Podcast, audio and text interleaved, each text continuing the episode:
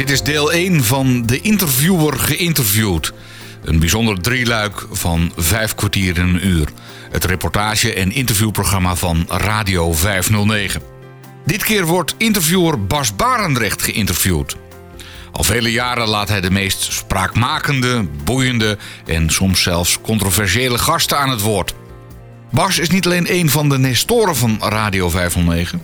Bas is vooral ook een zeer ondernemende man. Naast het maken van een wekelijks interview- en reportageprogramma, waar hij overigens nog vele jaren mee door hoopt te gaan, organiseerde hij ook hulpmiddelenbeurzen, was betrokken bij diverse belangenorganisaties voor visueel beperkten en hij bakte zelfs professioneel pannenkoeken in zijn eigen restaurant. En dat is nog maar een kleine greep uit de vele zaken waarbij Bas betrokken was. Daarom nu de hoogste tijd om zijn verhaal een keer te horen in vijf kwartier in een uur. Het programma dat zo'n 30 jaar geleden eigenlijk bij toeval is ontstaan. Ik volgde toen een, een, een cursus eh, sportmassage. En daar ontmoette ik een jongen die, eh, die, die bij een omroep werkte. Dat vond ik natuurlijk wel interessant, want dat wilde ik eigenlijk ook wel. Maar...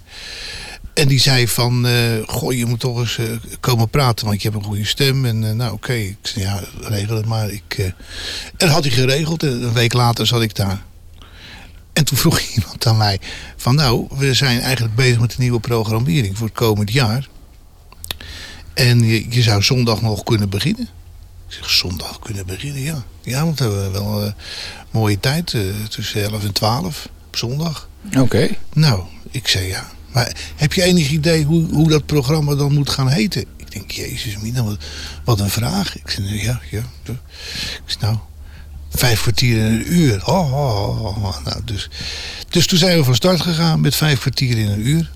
En niet dat het eh, permanent in de ether is geweest. Want ik heb ook wat jaren geen radio gemaakt zelf. Ook, eh, ook zelf wel geluid gemaakt, maar eh, gemonteerd. Maar toch is vijf kwartier in een uur wel een programma wat, eh, ja, als ik weer wat ging doen bij een omroep, eh, meeging. Dat, dat nam ik gewoon mee. Een praatprogramma. Een- Dat is ook mijn ding, praat-plaat-programma. Ik weet, eh, nou als geen ander, er zijn ook wel anderen die het ook wel kunnen, maar om mensen te vinden die toch wel min of meer interessante verhalen hebben, en die laat ik gewoon vertellen. En ik doe er zelf eigenlijk heel erg weinig aan. Mensen die zeggen dan, ja, wat gaat u vragen? Ik zeg, nee, ik ga niks vragen. Je gaat gewoon vertellen over hoe je het allemaal hebt ervaren en zo. Oh ja, ja, ja, ja. Nou, en dan beginnen ze. En dan, eh, als er dan een gaatje valt, ja, dan moet ik natuurlijk een vraag stellen. En dan, eh, nou, dan eh, jut ik de, de kachel weer, weer op. Als je nou zo een beetje terugkijkt op die, al die jaren dat je dat doet, heb je, heb je er nou een paar tussen zitten waarvan je zegt, nou jongen, wat die me toen verteld hebben. Nou, nee, ik heb zoveel onderwerpen eh, eh, behandeld. Dat, daar zou ik echt niet, eh, niet, niet één uit kunnen halen van ik zeg van nou, dat, dat had die en die impact. Het, ik heb echt alles gedaan. Alles gedaan. Ik ben in kerken geweest. Ik heb op torens gestaan. Ik heb eh, heel veel met muziek. Ik heb voor blinden en slechtzienden natuurlijk veel items eh, gem- gemaakt eh, over blindheid en slechtziendheid. Dat vond ik wel. En dat is bij 509 natuurlijk ook wel een beetje. Dat hoort ook wel bij de zender. Maar toch heb ik in mijn programma zoiets van, nou, dat, dat, dat, het kan wel, maar het hoeft niet. De interviewer. interview. Ja, dat- ja, dat is het. Ja, dat, Dat is, zo, zo dat is nog nooit voorgekomen. Ja. De interviewer geïnterviewd. En mensen zouden je ook kunnen kennen van, van, van de tv. Want op een gegeven moment was je ineens op tv. Met, en daar werd je door RTL neergezet als Albino Bas. Ja. ja, dat is, zo ben ik geboren. Ik ben in 1950 geboren in, eh, in Oostvoorne. Een plaatsje ten zuiden van Rotterdam in het, eh, in het, in het prachtige duingebied. En eh, mijn, eh, mijn vader was beroepsmilitair. En die zat dus in, bij de mariniers. Eh, en mijn moeder die, die, die, die, die woonde ook nog bij haar ouders. En ik dus ook, want ik ben daar geboren. Dus wat nu een kantine is van een camping, Catchill, eh dat was eigenlijk mijn geboorteplek. En toen eh, bleek al heel snel dat er iets met me aan de hand was. Mijn opoe, die, opoe, die, eh, die zag dat ik, dat ik met mijn ogen, ja, dat ik haar niet volgde. En, en die had zoiets van, ja, ik zal niks te- tegen Leentje, mijn dochter, zeggen. Want ja, maar ja, maar goed, men moest het toch gezegd, want ja, het, het was zo. En nou ja, de dokter erbij. En die zei, ja, die wist het natuurlijk wel. Je moet maar eens naar de oogarts gaan. Naar de dokter Pannevis. Nou, dus mijn moeder de goede goed aangetrokken. Want zo ging dat in die tijd. Trok je goede kleren aan. En dan stapte hij op de bus. En dan eh, ging je dus eh, vanuit Oostvoorn naar Rotterdam. Nou, dat, dat, dat is nog altijd een behoorlijke reis. Maar het was het toen zeker. Toen reed er dus een tram. De moordenaar heette dat ding. In de, in de volksmond. Omdat... eh, Velen eh, probeerden toch nog even voor die tram langs te gaan, maar dat lukte dan niet. En dan was het over natuurlijk. En, eh, en wij naar dokter Pannevis. En ja, die, eh, die zei van mevrouw, ik, eh, ik stuur een brief, zoals het vroeger ging, aan uw, aan uw huisarts. En dan kunt u het dan vragen. Nou, dus, maar mijn huisarts, dokter Schep, die, eh, die, wist, die wist wat er aan de hand was. En... eh, Onze Bas, toen nog Basje. toen Bastiaan, ja. Bastiaan. Inderdaad, ja. Dus die, eh, mijn moeder die kwam terug en eh nou, dokter Schep die kwam een uurtje later. Kwam die eens even langs, want zo, dat was een echte dorpsdokter. En Leentje zegt hij, eh, wat heeft eh, de oogarts gezegd? Ja, zegt, eh, ik krijg een eh, brief. eh. nou, zegt hij, ik zal je niet langer op, niet langer eh, in spanning. Hij zegt, eh, hij heeft eh, albinisme. Nou, dat wist, dat wist eigenlijk niemand wat dat was. Dat was eh, tegenwoordig eh, pak je je telefoon of je computer en je tikt albinisme in en je krijgt de hele reut, inclusief de filmpjes die over mij gaan. Maar eh, toen was het allemaal niet zo. En eh, nou, dus ja, hele familie repperoer. Jeetje, meneetje. En ik moest ook nog on- aangepast onderwijs. Ik kon niet naar de school daar. Dat was natuurlijk ook een ramp. En eh, ja, wat, wat moet er eigenlijk van, van dat jong terechtkomen? Ja. Dat was wel de vraag. Want zou ik blind worden? Dat, dat wist ook niemand. Nou, er is geen albino die in principe blind wordt op grond van zijn, van zijn albinisme. Kijk, dat, dat hij blind wordt, die kans die, die is net zoals eh, dat het bij jou is. Maar goed, en... eh, nou goed, dus het leven ging verder en eh, we gingen naar Curaçao, waar eh, menig militair dus wordt geplaatst een, een jaar of twee of zo. Maar Maar dan heb je het wel zwaar, denk ik. Als je ja, toch een beetje witter bent dan de rest. En Ja. eigenlijk niet in de zon mag. Nou, het begon wel heel goed aan boord van het schip, moet ik zeggen. Want ik heb op menige borst van mooie vrouw gelegen als baby. Oké, was dat dan weer dat, dat was wel een mooie tijd, maar, maar op Curaçao ging het inderdaad niet goed. Dat, eh, ik, was, ik lag alleen maar te janken. Het was natuurlijk veel te veel licht. Het was een en al zo'n heet. Nou, dat al, alle factoren voor Maar iemand dat met is het, albinisme, Dat is het. Als je, al, ja, als je albino bent, dan heb je last van licht en licht en zon warmte. En, ja. het- je moet het allemaal niet hebben. De zon is, eh, is een grote boosdoener. Eigenlijk voor iedereen. Maar voor mij zeker. En eh, nou, toen eh, ben ik... eh, toen ben ik met mijn moeder... Die later, jaren later... Echt tientallen jaren later bleek dat ze multiple sclerose had... is ze dus, zijn wij weer naar huis gegaan. Dus mijn vader is daar gebleven. En wij zijn op het vliegtuig gezet en, en, en, en, en weggegaan. naar Terug naar Oostvoorne. Ja, ja, ja. Dat, was ook, dat was ook beter. Ik was ook echt een moederskindje geworden. Want ik was natuurlijk altijd bij mijn moeder. Mijn vader was er niet. En, en als hij er was, ja, dan kroop ik toch altijd dicht bij mijn moeder. Dus eh, tot ik eh, ook nog, toen ik thuis was, eh, een, een toeval kreeg. Dus, epilepsie. En nou, dat was natuurlijk ook, ook een klap. En eh, toen moest ik naar het Instituut voor Ep- Epilepsiebestrijding in Heemstede. Dan hebben ze een rugpunctie genomen om te kijken of dat ook wel epilepsie was. Dat bleek het ook te zijn, maar ik heb maar één of ja. Op dat moment heb ik een aanval of meerdere gehad, maar daarna ook nooit meer. Maar ben ik wel onder de luminal eh, gestopt om, eh, om, om ervoor te zorgen dat dat dus niet weer zou voorkomen.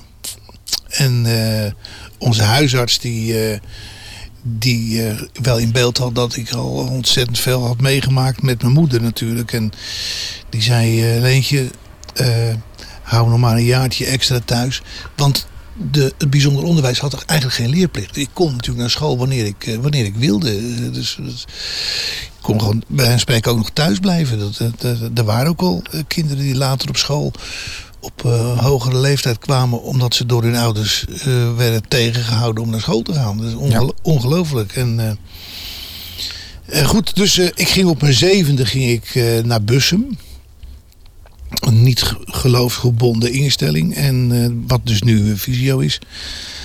En, eh, en overigens, of dat nu, nu nog is, weet ik niet. Want ik, eh, ik, ik heb gehoord dat, dat het allemaal weggaat. En eh, hoe ver het er al mee is, weet ik niet. Maar wel, er komen hele andere Nou, ze hebben daar nog steeds een aantal groepen waar kinderen ook vertoeven. voor zover ik weet. Maar die hebben dan ook nog andere beperkingen Ja. dan visueel. En dat is natuurlijk het grote verschil met vroeger. Vroeger ging je naar een school en daar zaten oudere mensen, echt ouder, opa's en oma's van ons, zeg maar, eh, die 70, 80 jaar waren. En naar de, s morgens na het eten naar een werkplaats jokten om, eh, om, om wat stoelen te matten en dat soort activiteiten. Waar kinderen zaten die. eh, in, het voortgezet onderwijs of naar Bussum naar school gingen of op school in Bussum het onderwijs volgden. En er zaten dus hele, hele jonge kinderen eh, die eh, het onderwijs volgden of, eh, of op, op de kleuterschool zaten. Dus in zo'n huisje waar je kwam, daar was het een gemeleerd gezelschap tot 12 jaar. Van, nou ja, van een jaar of drie, vier tot, eh, tot, tot, tot, een- tot een jaar of eh, eh, twaalf. En dan behoorde je dan tot, tot, tot, de, grote, tot de grotere. En werd je ook, werd, werd ook gezegd van, nou ja, nou ga je verhuizen. En ja, dan ga je hier weg. Oh, moet ik dan hier weg? Ja, ja, ja, ja. En dan ging je dus uit dat, eh, uit dat huis. En dan eh, ging je naar een andere groep. Dat was weer helemaal, helemaal vreemd was dat natuurlijk. Die, groep die kende je wel. Je kende het terrein natuurlijk wel. Maar de, ja, je, je kwam daar eigenlijk nooit binnen. Want je, je behoorde niet tot die groep. Nee. Nou, en dan ging je dus in, eh, in, in, in die groep ging je dan, ging je dan leven. En, en, en dat, was een heel, dat was ook een heel ander leven. Dat was ook geen, geen groep in een huis. En, en, en, en zo. Dat was een, eh, een, een, een, een groep in een gebouw. En eh, in dat gebouw had je dus eh, allerlei, allerlei gangen. En in, in zo'n gang waren dus een aantal kamers, slaapkamers. En boven op zolder waren dus grotere slaapkamers. En daar begon je dan. Hè? Dan was het gewoon dat je naar zo'n grotere zaal ging. En dan sliep je met z'n met z'n drie of met z'n vijven sliep je op zo'n zaal. En eh, ik had dan eh, dat ik met Lex en met Aad, eh, Aad Leeflang, die kennen we nog van 509.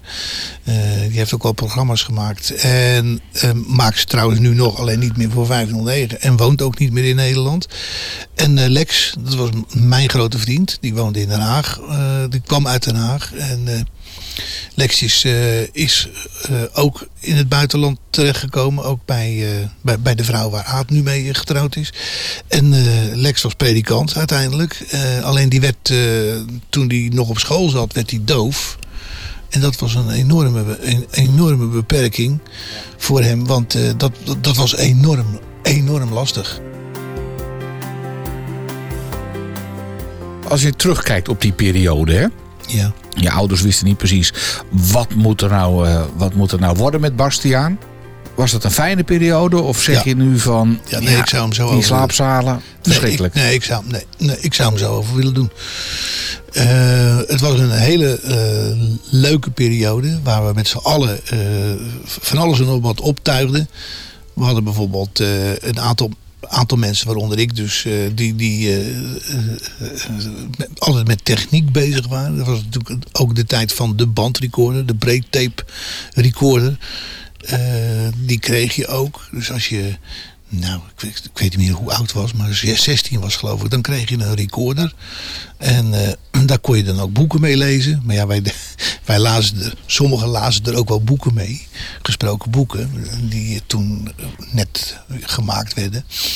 Maar eh, je kon er ook eh, muziek mee opnemen en draaien. En, Veel leuker, hè? ja, en je kon de boel ook aan elkaar hangen. Dat deden wij. Dus we hadden dus in, die, in, in die tweede fase van, de, van, dat, van, het vervolgtraject hadden we dus eh, eh, dat je dus van die kamer afging met z'n drieën of met z'n vijven. En dat je allemaal dus een eigen kamer kreeg om nog zelfstandiger te worden. Eh, in die kamer stond dus een, was een kast en er was een, tafel en een, en een bed. En er stond een stoel. En, en, en, en ja, dat, dat, kon je, dat kon je zo gezellig maken als je zelf wilde. En wij hadden dus eh, bedacht dat je, als je dus een recorder had, dat je dus die recorder eh, met een snoer kon doorkoppelen naar een volgende recorder. En dat je dan van daar vandaan weer kon naar een volgende recorder. En zo hingen er gewoon 15 recorders aan een snoer. Oké. En eh, Is daar het zaadje geplant voor het latere radio maken? Ja, ik denk het wel. Eh, nou, zo later was dat overigens niet. Want toen dat, toen dat was, toen, eh, toen we dus al die, al die kamers aan elkaar hadden gehangen. En, en, en s'avonds tot, nou sommigen tot diep in de nacht te, te lullen. Over van alles en nog wat. Vooral ook mooie vrouwen natuurlijk. En, en, en eh, nou goed. En we ook de, het verzoek kregen van, van de meisjesafdeling of zij ook op de lijnverbinding, zo noemden we dat dan, de lijnverbinding konden worden aangesloten. Dan hebben we natuurlijk eerst in een groot comité besloten om dat niet, niet te willen.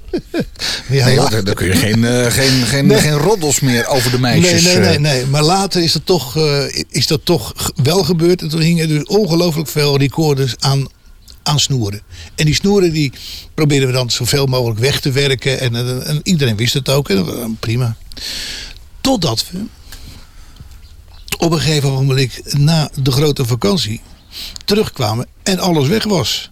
Oh, Ja, inderdaad. want zo Toen waren ze toen wel bij het toen, ke- toen keek ik eh, net zo verbaasd als jij nu. eh, want eh, toen zei ik, jezus, wat is, er- wat is hier gebeurd? Ja, kom even bij elkaar komen, want er is iets gebeurd. Wat was namelijk het geval? De brandweer, die had gezegd dat het brandgevaarlijk was. Ah ja, Dat, was het ook eigenlijk natuurlijk. Hè? Want als je die, die stekkers niet in, het, in, de, in, de, in, in de recorder stopt, maar in stopcontact, dan klapte de hele boel. Ja, maar dat moet je gewoon niet doen dan. Nee, nee, maar ja, die brandweer die, die, die Ja. moest de wet eh, volgen. En dat kwam ook weer omdat ik namelijk met een vriend had eh, veroorzaakt dat die brandweer ook op het toneel was gekomen op het instituut. Want op een gegeven moment, we hadden daar op die afdeling hadden we douches. En dan kon je dus met een man of drie, vier kon je onder de douche.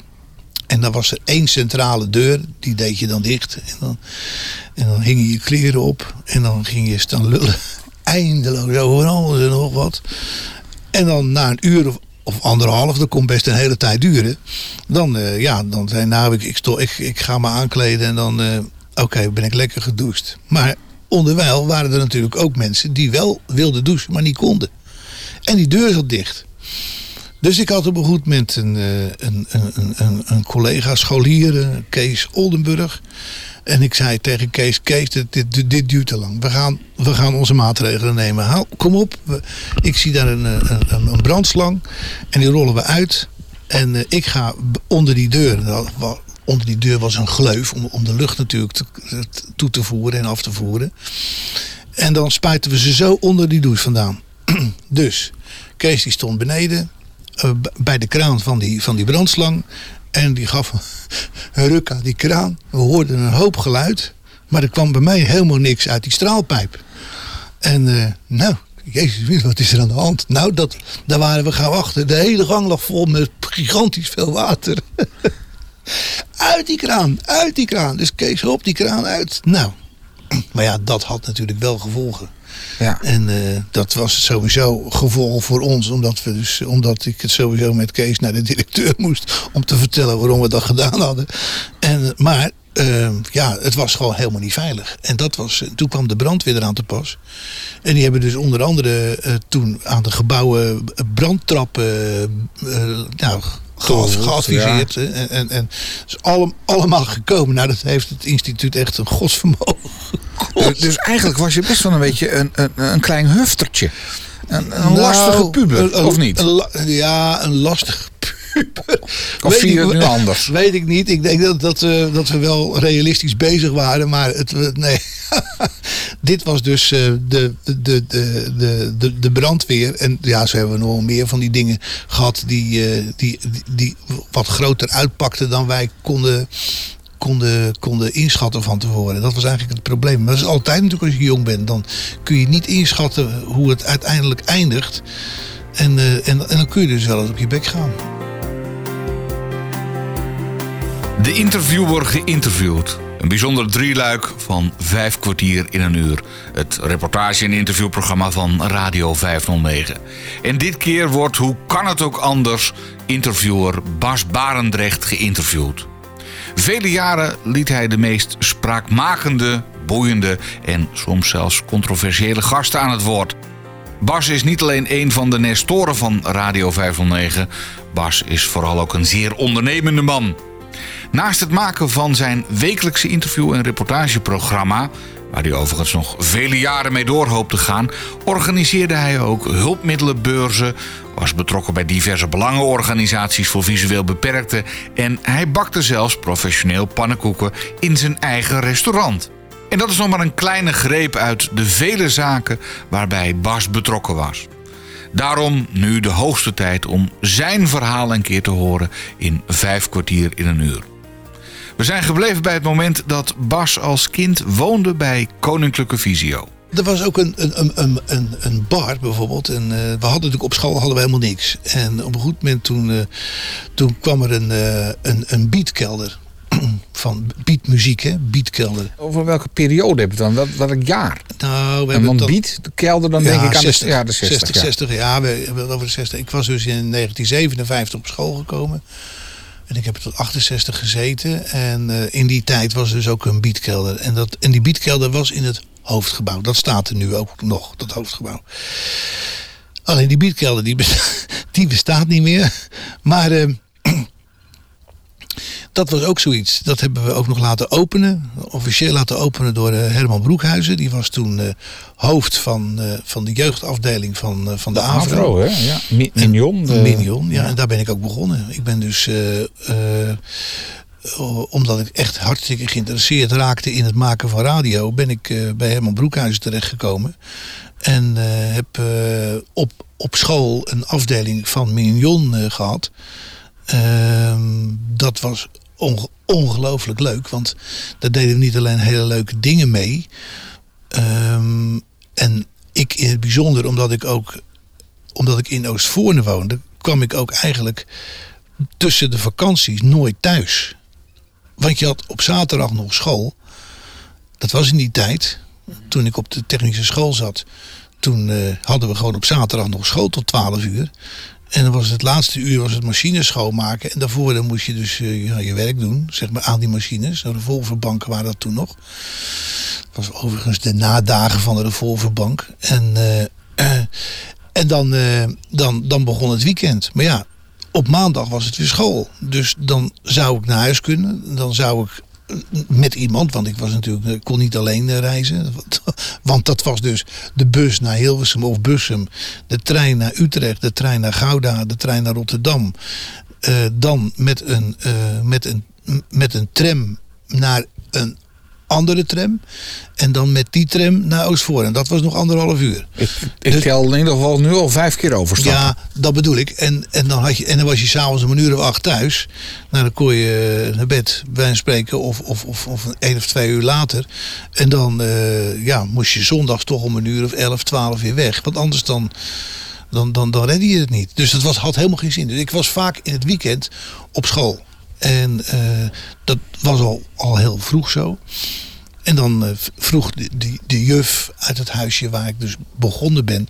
Die zei van Bastiaan, ga je mee? Dan gaan we naar. Want die, al die meiden die woonden in, in Bussum of Huizen of, of, of wat ook. Dan ga je de mee. Ja, ja die, die, waren dan eigenlijk vrij. Ja, die hadden mij dan. Ja, dat was dan even vervelend. En dan gingen, we, dan gingen we wel eens met een auto op zondag. Dan zei ze, vind je het leuk om naar papa en mama te gaan? Ja, dat vond ik natuurlijk altijd leuk. Naar, naar, naar mama te gaan. Want mijn vader die was er eigenlijk nooit. En... Uh, nou, dan gingen we dus op zondag gingen we rijden. En dan, dan reden we er een uur of tweeënhalf over om naar Oostvoorne te gaan. Met een gogomobiel, zo'n klein rotkarretje. en uh, we hebben een keer, een tocht gemaakt. Ik zeg, juf, wat, wat, wat, wat ruikt er hier in de auto? Ja, ze had ze nog op de handrem staan. Oké. Okay. dus, dus dat was eventjes uh, verrassend. Maar je zei tegen de groepsleidsters, juf toen. Juf, ja. ja, Juf. ja, ja, ja. en en er Ja, moest om geloot worden wie, wie Bastiaan dan het weekend eh Nee hoor, mee naar huis nee, moest nee, die hadden dienst. Die hadden, Oh, hadden gewoon dienst. Die hadden, Oké. hadden dienst. Dus, dus je je had eens in de drie, vier weken had je weekenddienst als juf. En dan was je dus eh, zaterdag en zondag op school. Op, op, op, op de groep. En dan deed je leuke dingen met, met, de- met de leerlingen die er waren. Want er waren er ook heel veel die gingen gewoon naar huis. En, eh, en eh, dat... eh, ja, da- daar was natuurlijk helemaal niks op tegen. Die kwamen zondags vanaf een uur of vijf, zes kwamen ze weer in het huisje. En dan een leuk weekend gehad. En dan mooie verhalen natuurlijk. En dan weer naar bed. En dan de volgende ochtend om zeven uur weer op. Of kwart voor zeven, dik wat hoe laat. Te, vroeg, zeg ik nu. Maar goed. Hè?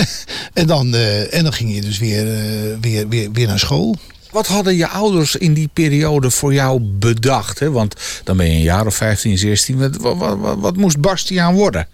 Eh, voor, voor beroep dan, hè? Nou, dat, dat is... ehm, Een draaibanken, daar moest je aan werken. Nou, dan denk je toch al gauw aan eh, ja, een stuk techniek. Ja, Ja, eh, ja. nou het was zo dat doordat ik die luminal had geslikt en ook lang, langduriger had geslikt dan eigenlijk nodig was. te- Ach- tegen ach- epilepsie. ja, ja, ja, ja. Zei iemand op een goed moment van, goh, ja, Bastiaan die slikt luminal, maar hij heeft nog nooit een, een toeval gehad. En eh, nee, nee, nee, nee, dan moesten we. Nou, dus ik weer naar de dokter en eh, naar de specialist. En die zei, ja, dan moeten we dat maar gaan afbouwen. Maar ja, als jij dus een jaar of eh, acht of zo die luminal hebt geslikt, dan moet je dat echt gaan afbouwen. Dat moet je niet zo Nee, kan je morgen stoppen, nee. Nee, nee. Dus dat duurde een tijdje. En toen voelde ik ook dat ik. Ik, ik, ik, ik was er beter aan. Ik, ik kon eh, nu beseffen dat eh, de hoofdstad van Nederland Amsterdam was. En, en, en, en zo. En, en dat, dat de regering in Den Haag zat. Dat onthield ik ook. Maar daarvoor onthield ik dat niet. Dat kon je me vertellen. Maar dan zit dan een uur later vroegen. Waar zit de regering? Dan zeg ik, ja, waar zit de regering? Ja, ja, ja. Dat wist ik gewoon niet meer. nee. En, eh, maar ja, toen had ik al wel een, een, een keuze moeten maken, natuurlijk na die lagere schoolperiode, voor een stukje opleiding. En toen had men dus gezegd van nou, laat hem dan naar de technische school gaan. Want dat is dan in elk geval een beroep wat hij altijd kan doen. Nou, toen ben ik dus eh, naar de technische school gegaan. Dat vond ik hartstikke leuk. Met Hans Wensveen heb ik daar op gezeten. Die ik, eh, waar ik dan ook nog wel eens programma's eh, mee maak. En die ook voor vijf kwartier wel eens werkt. En eh, dat, ja, daar heb ik ook een hele leuke tijd gehad. Ehm, maar toen ik dus stage ging lopen, dat, daarmee moest je dan de opleiding afsluiten. Moest je stage lopen bij de schroevenfabriek in Hilversum. Dat was dus een Philips aangelegenheid. En dan moest je dus eh, ongelo- ongelooflijk veel eh, schroeven draaien en, en bouten en nou, van alles nog wat. Toen heb ik gezien dat dat voor mij helemaal niks was. Want het waren allemaal mensen die daar al jaren werkten. En die zo ongelooflijk simpel waren. En, en, en hele lieve mensen hoor. Ik, ik, ding er niks op af. Een boutje, moertje, een Ja, nippeltje. en- Ja, ja, Al, allemaal yes. Maar ik, eh, het, het was niet mijn ding. Waar droomde je toen van? Wat, wat wilde je? Ik wilde geluidstechnicus worden. En ehm, dat heb ik ook gezegd. En daar heeft men ook alles op ingezet om, om dat voor mij mogelijk te maken. Maar ik wilde geluidstechnicus worden. Echt geluidstechnicus worden. Ik wilde het Metropoolorkest kunnen schrijven. En het Concertgebouworkest en zo. En dat, dat ging gewoon niet. Nee, want dan heb je toch wel goed zicht nodig. Dan heb, je, grote ja, dan heb je mi- minimaal goed zicht nodig. Ja, want je moet de partituur kunnen lezen. Je moet weten eh, wie, wie er oh, eh, eh, een, een solo eh, speelt. En, en wanneer. En, en, en op welke schuif die zit. Ja, dat, dat moet je, dat- dat- dat- er staan misschien wel 50 microfoons bij een orkest. Hè? En in die tijd was het ook Tegenwoordig is het wel wat eenvoudiger, maar toen was het wel heel erg ingewikkeld. En eh, eh, dus dat is hem niet geworden. Ik ben overigens nog bij Cinetoon. Dat was ontzettend leuk. Eh, ben ik, heb ik stage gelopen. om dat te proberen. Facilitair bedrijf in Hilversum, toch? Nou, Cinetoon was, zat in Duivendrecht, aan de Duivendrechtse kade. En daar maakten ze dus voor, voor, voor de film maakten ze veel spul. En voor de reclame. Thijs Janowski en zo. En, en, eh, en de Fabeltjeskrant kwam in mijn tijd nog net, eh, net op. En het was ontzettend leuk. Ik heb me daar echt helemaal vermaakt. Alleen, het was het het eenvoudigere werk, wat uiteindelijk voor mij wel kon, maar ja, waar ik niet voor ging natuurlijk. Nee, ik, ik, ik ging er niet voor om een, om een, om, om een recorder eh, synchroon te zetten of zo. Dat, dat, ja. En er werd dus wel geprobeerd van, van nou wat, wat zie je dan in beeld als het geluid daar hoort? Dus een koe, een, een koe die loeit, zeg maar. Nou, dat, dat zag ik gewoon niet. Nee. Ik zag wel dat, dat er een koe ergens op dat, op dat, op dat scherm stond. want, even, hè, want wat zie je wel en wat zie je niet? Ja. Nu op dit moment? Dat, dat is moeilijk. Ik, ik zie dus mijn leven lang zie ik hetzelfde. Ik zie dus 13% En dat zie, dat zie ik al, al, al 71 jaar sinds kort. En eh, ehm, daar doe ik het mee. Maar daar kan ik me heel goed mee redden. Maar ik, ik zie jou bijvoorbeeld, ik zie jou wel, wel zitten. Maar ik zie je ogen bijvoorbeeld niet. Ik zie wel dat je een bril op hebt. En ik zie, de, eh, ja, ik zie je uitstraling wel. Maar dat is het dan ook. En, eh, Maar dat is niet genoeg om het Metropoolorkest Nee. te kunnen schuiven Nee, op een die zit- mengtafel die van... zitten eh, sowieso eh 15 of 20 meter verder dan ik zit. En er zit nog een glazen ruit vaak tussen. En er zit nog dit tussen en dat tussen. Allerlei, allerlei be- belemmerende factoren zoals lampen en, en, en zo die, die dan fel branden. En dat is allemaal ook niks voor iemand met albinisme natuurlijk. Dus dat ging, dat ging niet. En dat was wel, wel heel erg jammer en heel erg vervelend. Ik vind het leuk, die sirenes. Die hebben we ook maar één keer in de maand. Bas, op een gegeven moment kom je er dan achter dat je dus dat Metropoolorkest niet kan schuiven. Daar geen technicus kan zijn. Is dat de eerste echte grote teleurstelling in je leven? Kijk, dat was inderdaad een teleurstelling. Maar toen kreeg ik ook de hoorspelkern aangeboden. Maar dat vond ik ook, ook niks. Ik denk, ja, het is allemaal zo, zo petit, allemaal zo klein. En, en ik, ik ben een vrije jongen. En, en nog steeds. Je gaat voor de grote mengtafel en niet voor het eh, Nou ja, kleine... niet, niet, niet, niet voor klein bier. Ik kon, ik kon technicus worden bij de AVRO, zeg maar, voor het knippen van, van, van, van reportages. Maar ja, dan had ik in gedachten dat ik dan dus ehm, op, eh, op, op, op, op, een stoel in, in een kleine kamer zat met met, ja, met, met een mengtafeltje. En, eh, en dat er dan een, eh, een, een, een man met een reportage binnenkwam om vijf voor één. Met een reportage die om zeven over één na het, na, na het nieuws eh, eh, in Avro's radiojournaal eh eruit moest. En dat ik dan, van mij werd verwacht dat ik dan in tien minuten even zijn reportage in elkaar violde. Ja. Nou, dat, dat, dat zag ik niet zitten. Ik dacht, als ik daar... De rest van mijn leven? Nee, nee, dat, dat ga ik niet doen. En toen is er dus, toen ben ik op school, ben ik, wat menig één dus ook is geworden, ben ik opgeleid tot telefonist. Nou ja, dat was natuurlijk, dat was eigenlijk ook flut. Want ja, als je een beetje kunt lullen en, en, en, en weet hoe een apparaat werkt, dan kun je telefonist worden. Dus ik ben naar, naar, eh, naar, naar Bussum gegaan, naar het gemeentehuis. Er zat een heel aardige vent. Eh, eh, Luchtmeijer, er werd het Lulmeijer genoemd natuurlijk bij ons op school. En daar eh, heb ik af, het, de kneepjes van het vak geleerd. En toen ben ik op een goed moment heel snel ben ik bij Arend terechtgekomen. A-H-R-E-N-D, de, de kantoormeubel en, eh, en, en, en, en benodigdheden. En eh, daar ben ik als telefonist begonnen. Dat was een hartstikke leuk en hartstikke drukke baan. Daar had, ik, eh, had ik 15 lijnen en die waren morgens allemaal bezet. Dat was een knetterdruk. En, maar ik leerde ook gelijk voor de kantoorboekhandel een vakdiploma. Dat heb ik gehaald en toen heb ik ook tegen mijn baas gezegd: ik wil, eh, ik wil op de afdeling eh, werken. Ja, ja, ja maar, maar je doet het als telefonist erg goed. Ik zei ja, maar ik verdien erg weinig. Ja, zegt hij, maar ja, dat, dat verdienen telefonisten helemaal niet. Ik zei ja, maar dat wil ik toch wel. Ja, ja, ja, ja. Nou, nou, in die discussie bleef het een beetje hangen. Toen ben ik naar een afdeling gegaan. Toen heb ik die afdeling, heb ik, ja, ik heb gewoon verkocht, zeg maar, aan de telefoon. Dat was hartstikke leuk. Maar eigenlijk niet voor een slechtziende met die hulpmiddelen van toen. Want toen had je dus twee hulpmiddelen. Een loop waar je je, je, je, boel mee in, eh, waar je een krant mee in de fik kon steken. En een loop waar je door kon lezen. Meer was er eigenlijk niet. Kijk, tegenwoordig, eh, eh, ik heb zelf die beurzen georganiseerd, zoals je ook gezegd hebt.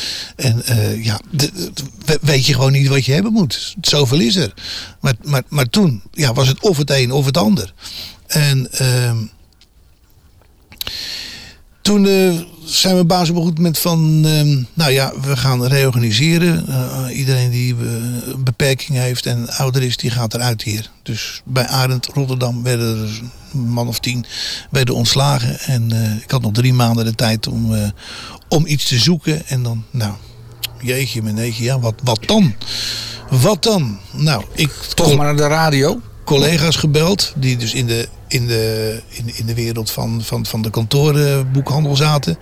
Maar ja, iedereen zat te zeiken over een, over een, over een rijbewijs wat ik niet had. En uh, ja, oké, okay. jezus, mina, kloten. Dat ik nou wat allemaal ogen mankeerde. Dat is wel kloten, jongen. Nou, oké. Nou, ik naar TNO. TNO, toegepast natuurwetenschappelijk onderzoek, hoofdkantoor in Den Haag werktelefonist. Maar in dat gesprek, in dat sollicitatiegesprek, zei ik van ja, ik wil wel als telefonist beginnen hier, maar ik wil zeker geen telefonist blijven. Nou, zeiden ze, dat, dat vinden we ook wel ambitieus en dan willen we ook wel een plaats op afdeling in het externe betrekkingen. Maar dan moet je even op wachten dan en dan, oké. Dus ik begon daar als telefonist. Pas, ik wil heel even met je terug naar dat mignon moment, want eigenlijk was je dus een beetje al van de radio. Ik was al van de radio, ja. ja. Maar mignon kende dus een aantal groeperingen. Die kenden dus uh, mensen die echt bij de omroep uh, wilden en konden werken. Nou, dan was mij dus duidelijk dat dat uh, alleen maar in een, in een soort van statisch beroep zou kunnen. Ik zou wel bij de radio kunnen werken. maar dan was het wel uh, in, een, in, in een functie die, die eigenlijk voor mijn gevoel op termijn toch niet van betekenis was. Nee, want dan, dan zouden ze je inzetten als technicus. Ja. Maar ja, ja, je hebt nu een vlotte babbel. Je had dat waarschijnlijk toen ook al enigszins. Ja. Kon je niet gewoon een radioprogramma presenteren? Ja, nou, dan... dat, dat is er dus nooit van gekomen. Uh, ik ben aan het werk gegaan en ik ben in de, in de regio ben ik uh, actief bezig uh, gegaan met alles wat voor blinden en slechtzienden moest gebeuren. En dat is ongelooflijk veel. Ik heb echt van, van, van wat ik gedaan heb. Daar heb ik uh, allemaal banden van gemaakt. Uh, en dat deed je ook voor de AVRO al? Nee. Dat deed ik dus niet voor de AVRO. Voor de, bij de AVRO had ik, ik had, als minionner had ik contact met de AVRO. Ik ben ook altijd lid van Mignon gebleven. Maar uh, ik werkte dus voor blinden en slechtzienden. Dus ik, ik, ik, uh, ik maakte bijvoorbeeld uh, al een regioblad, of het regioblad in Rotterdam. ik was in de zeventiger jaren was ik iemand die uh, vond dat, uh, dat het belachelijk was dat je wel uh, behoorlijk wat geld moest hebben om te kunnen skiën. Terwijl de mensen die goed konden zien met minder geld ook goed konden skiën. En ben dus lid geworden van een skivereniging. waar ik vrij snel al in een bestuur terecht kwam. Want dat was ja, bij mij altijd wel zo. Dat, als ik ergens mee bezig was, dan zat ik ook gelijk weer in het bestuur en zo. En ja, dan moesten er ook weer informatiebanden komen. En ja, dan. En maakte je die banden dan uh, met, met ondersteuning van de AVRO? Dat zei je nee. recordergaven of... Nee. Het zat helemaal los van nee, de omroep? helemaal los van de omroep. Ik maakte dus die banden en ik ging zelf op pad. Ik, ik maakte ook hele, hele reizen naar, naar leveranciers van, van, van skispullen. En, en wie, wie betaalt dat dan? Want niks. ja, uh, ik betaalde dat. Maar, zelf, van, van mijn salaris. Uh, het salaris wat je verdiende bij de TNO... Ja, en later bij mijn nieuwe baas. Ja. ja dat, en dat, dat, dat spendeerde je aan het maken van... Voor een deel wel, ja. ja van ja, audio, ja. Ja, bladen voor mensen die minder zien. Ja, en dat werd dan gedupliceerd door, door de, de band, heette het toen nog. Dat was tegenwoordig is dat Dedicon, maar vroeger heette dat de, de band. En die, die kopieerde dat, eerst op, op breedtape en later op cassette. En heel later nog weer op cd. Dus ik heb, ik heb alles meegemaakt. En ah, dat was echt een geweldige tijd, jongen. Maar die omroep, dat is het uiteindelijk toch niet geworden. De AVRO niet, niet, is het niet geworden. Nee, ik ben... Uh, Ondanks de jarenlange bijdrage aan de miniatuuromroep. Hè? Want dat was Miniatuur Jeugdomroep ja, Nederland. Ja. Ja, ja, ja, ja. Dat was een, de kweekvijver voor de AVRO, voor, voor professionals. Ja. ja. Want er zijn toch hele, hele, hele goede talenten zijn daaruit voortgekomen. Ja, dus, uh, ja, Gerrit en Braber bijvoorbeeld. nou, wie kent Gerrit en Braber niet?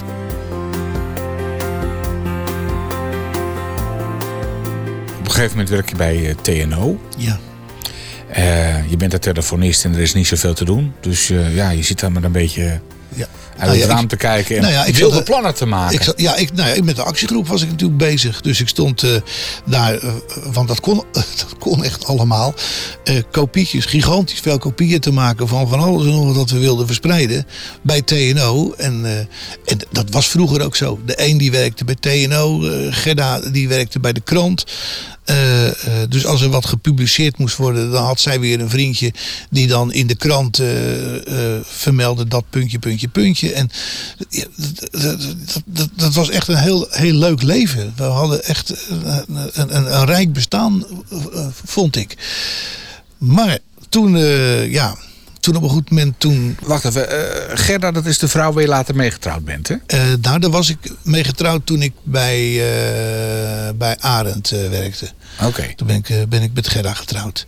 En die heeft dus echt ook hele, hele leuke dingen gedaan. Ook eerst gezocht naar een, naar, naar, een, naar, een, naar een baan. Dat was natuurlijk ook, dat, ja, dat is altijd al moeilijk geweest, dus toen ook.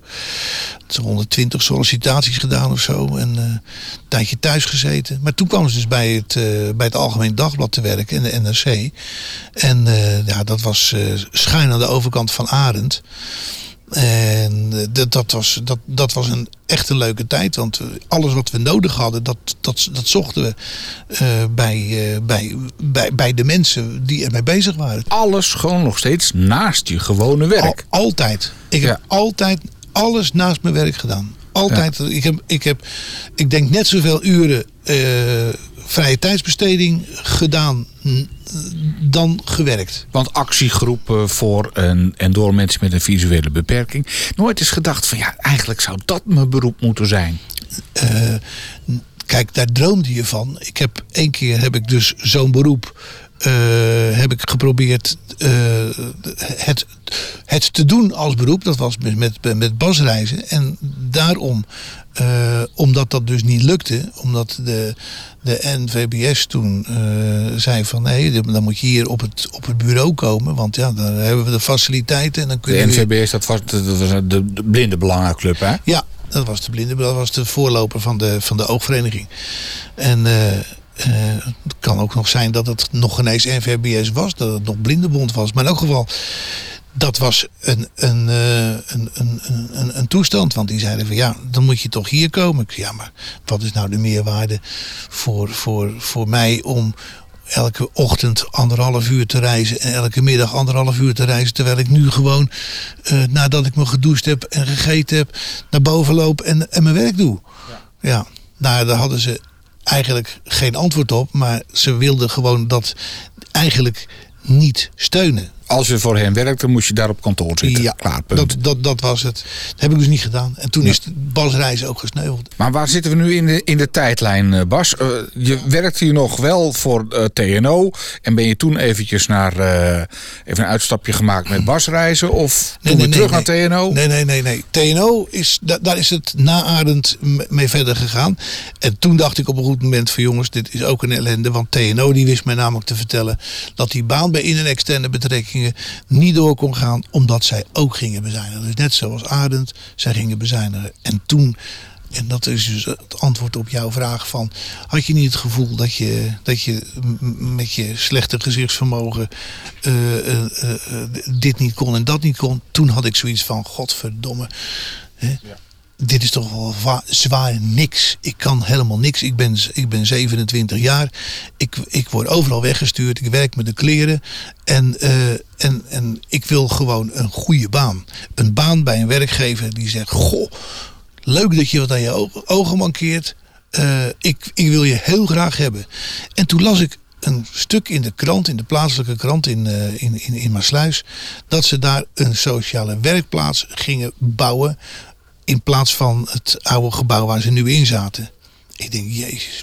En ze zochten mensen. Ik denk, nou dat is wat. Dan heb ik een werkgever als dat doorgaat, die zegt van goh, hartstikke blij dat je wat aan je ogen mankeert, want ik zoek je graag. En zo ben ik dus bij, eh, bij Dukdalf eh, terechtgekomen. Al, eerst als medewerker van de afdeling verkoop. En toen... eh, En toen Dukdalf is? het is de sociale werkplaats van Maasluis. De gemeentelijke sociale werkvoorziening. Maar wij maakten in Maasluis maakten we dus eh, echt eigen meubilair. We ontwierpen het ook. En eh, op enig moment aan, het, aan het einde van mijn eh 23,5-jarige carrière bij Dukdalf... eh, waren, we, eh, waren we marktleider in de, in de, in de, in de campingmeubelindustrie. Dus deden we, echt, eh, ja, de- deden, deden we het echt goed. Dus daar heb je echt een lange periode gewerkt. Ik heb er ook een geweldige baan gehad. Ik ben er verkoopleider geweest, binnendienst. Dus ik, ik, ik, ik, was altijd aan boord. Ik had alles in mijn la zitten. En overigens had ik ook braille geleerd op school. En in die la had ik dus alle hangmappen, die had ik gebrailleerd. Zodat ik dus gewoon, want dan heb je dus met 13%.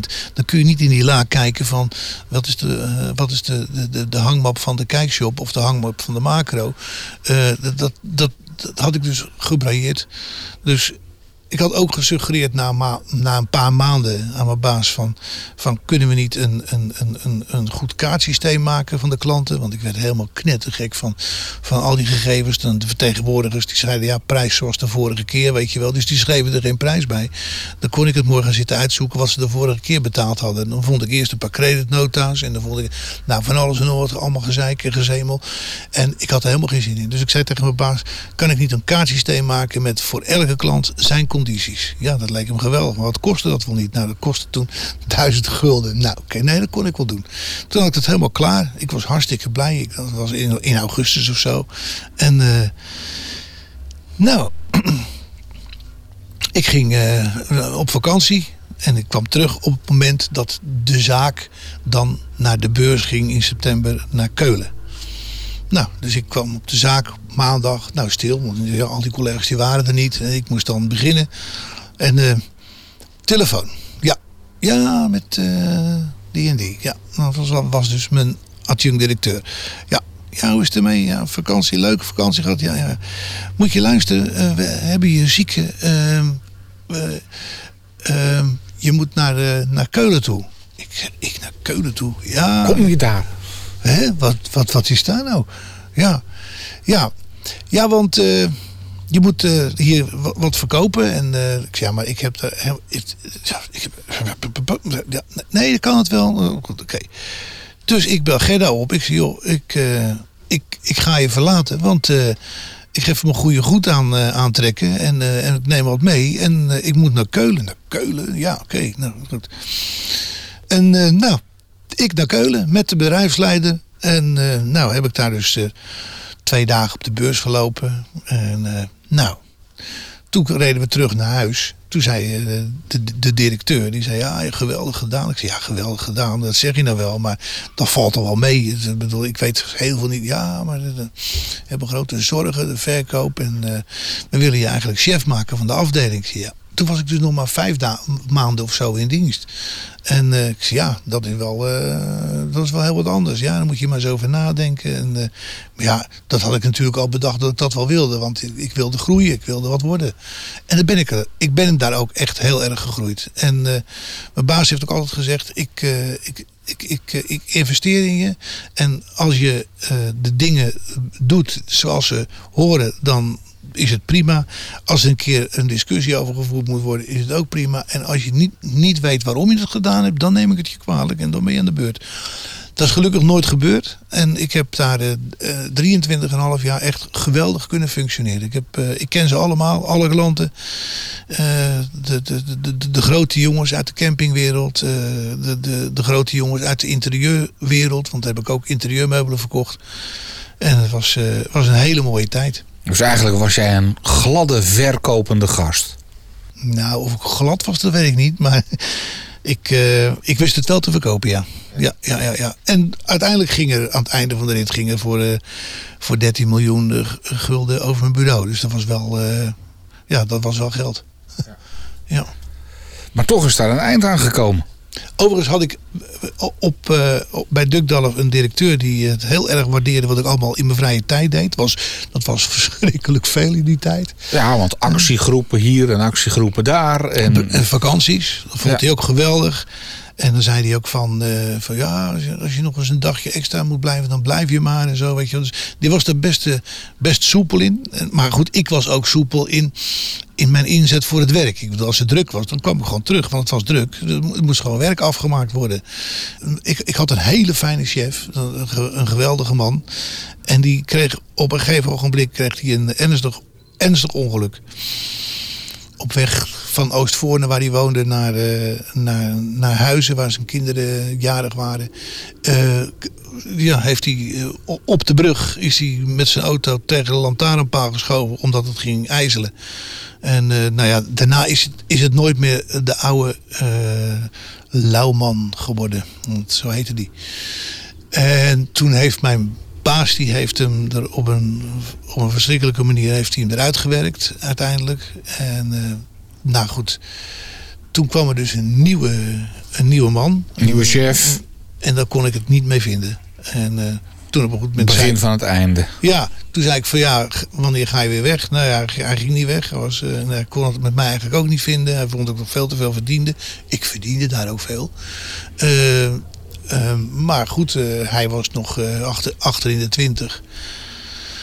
En ik was toen al eh, tegen de 50. En toen zei ik van nou, dan ga ik weg. Dacht ik, ja, jezus mina, maar weggaan, wat, wat moet ik dan gaan doen? Ja, je Want bent- je- ik als had- je ik had tegen de 50 loopt. Ja, dan moet je toch wat gaan bijstuderen of zo om, eh, om, om, om nog wat op te pakken. Ik, Je, je verdiende lekker, maar je kon niet, nog niet rentenieren. Nee, dat kon niet. Nee, Nee. want nee, dan had ik nog 15 jaar moeten rentenieren. Dat, dat schoot niet op. En toen ehm, dacht ik van, goh, maar, ik, ik heb altijd van, eh, van kinderen eh, gehouden en ik, ik ben gek op kinderen. En eh, ik, eh, ik, ik, moet, ik moet wat gaan doen met kinderen. Ik moet pannenkoeken gaan bakken. Dus een pannenkoekenrestaurant moet ik gaan, eh, gaan beginnen. Hoe dit ondernemersverhaal verder gaat, hoor je in deel 2 van de interviewer geïnterviewd. Een eh, bijzonder drieluik van vijf kwartier in één uur. Het reportage- en interviewprogramma van Radio 509, waarin dit keer interviewer Bas Barendrecht wordt geïnterviewd.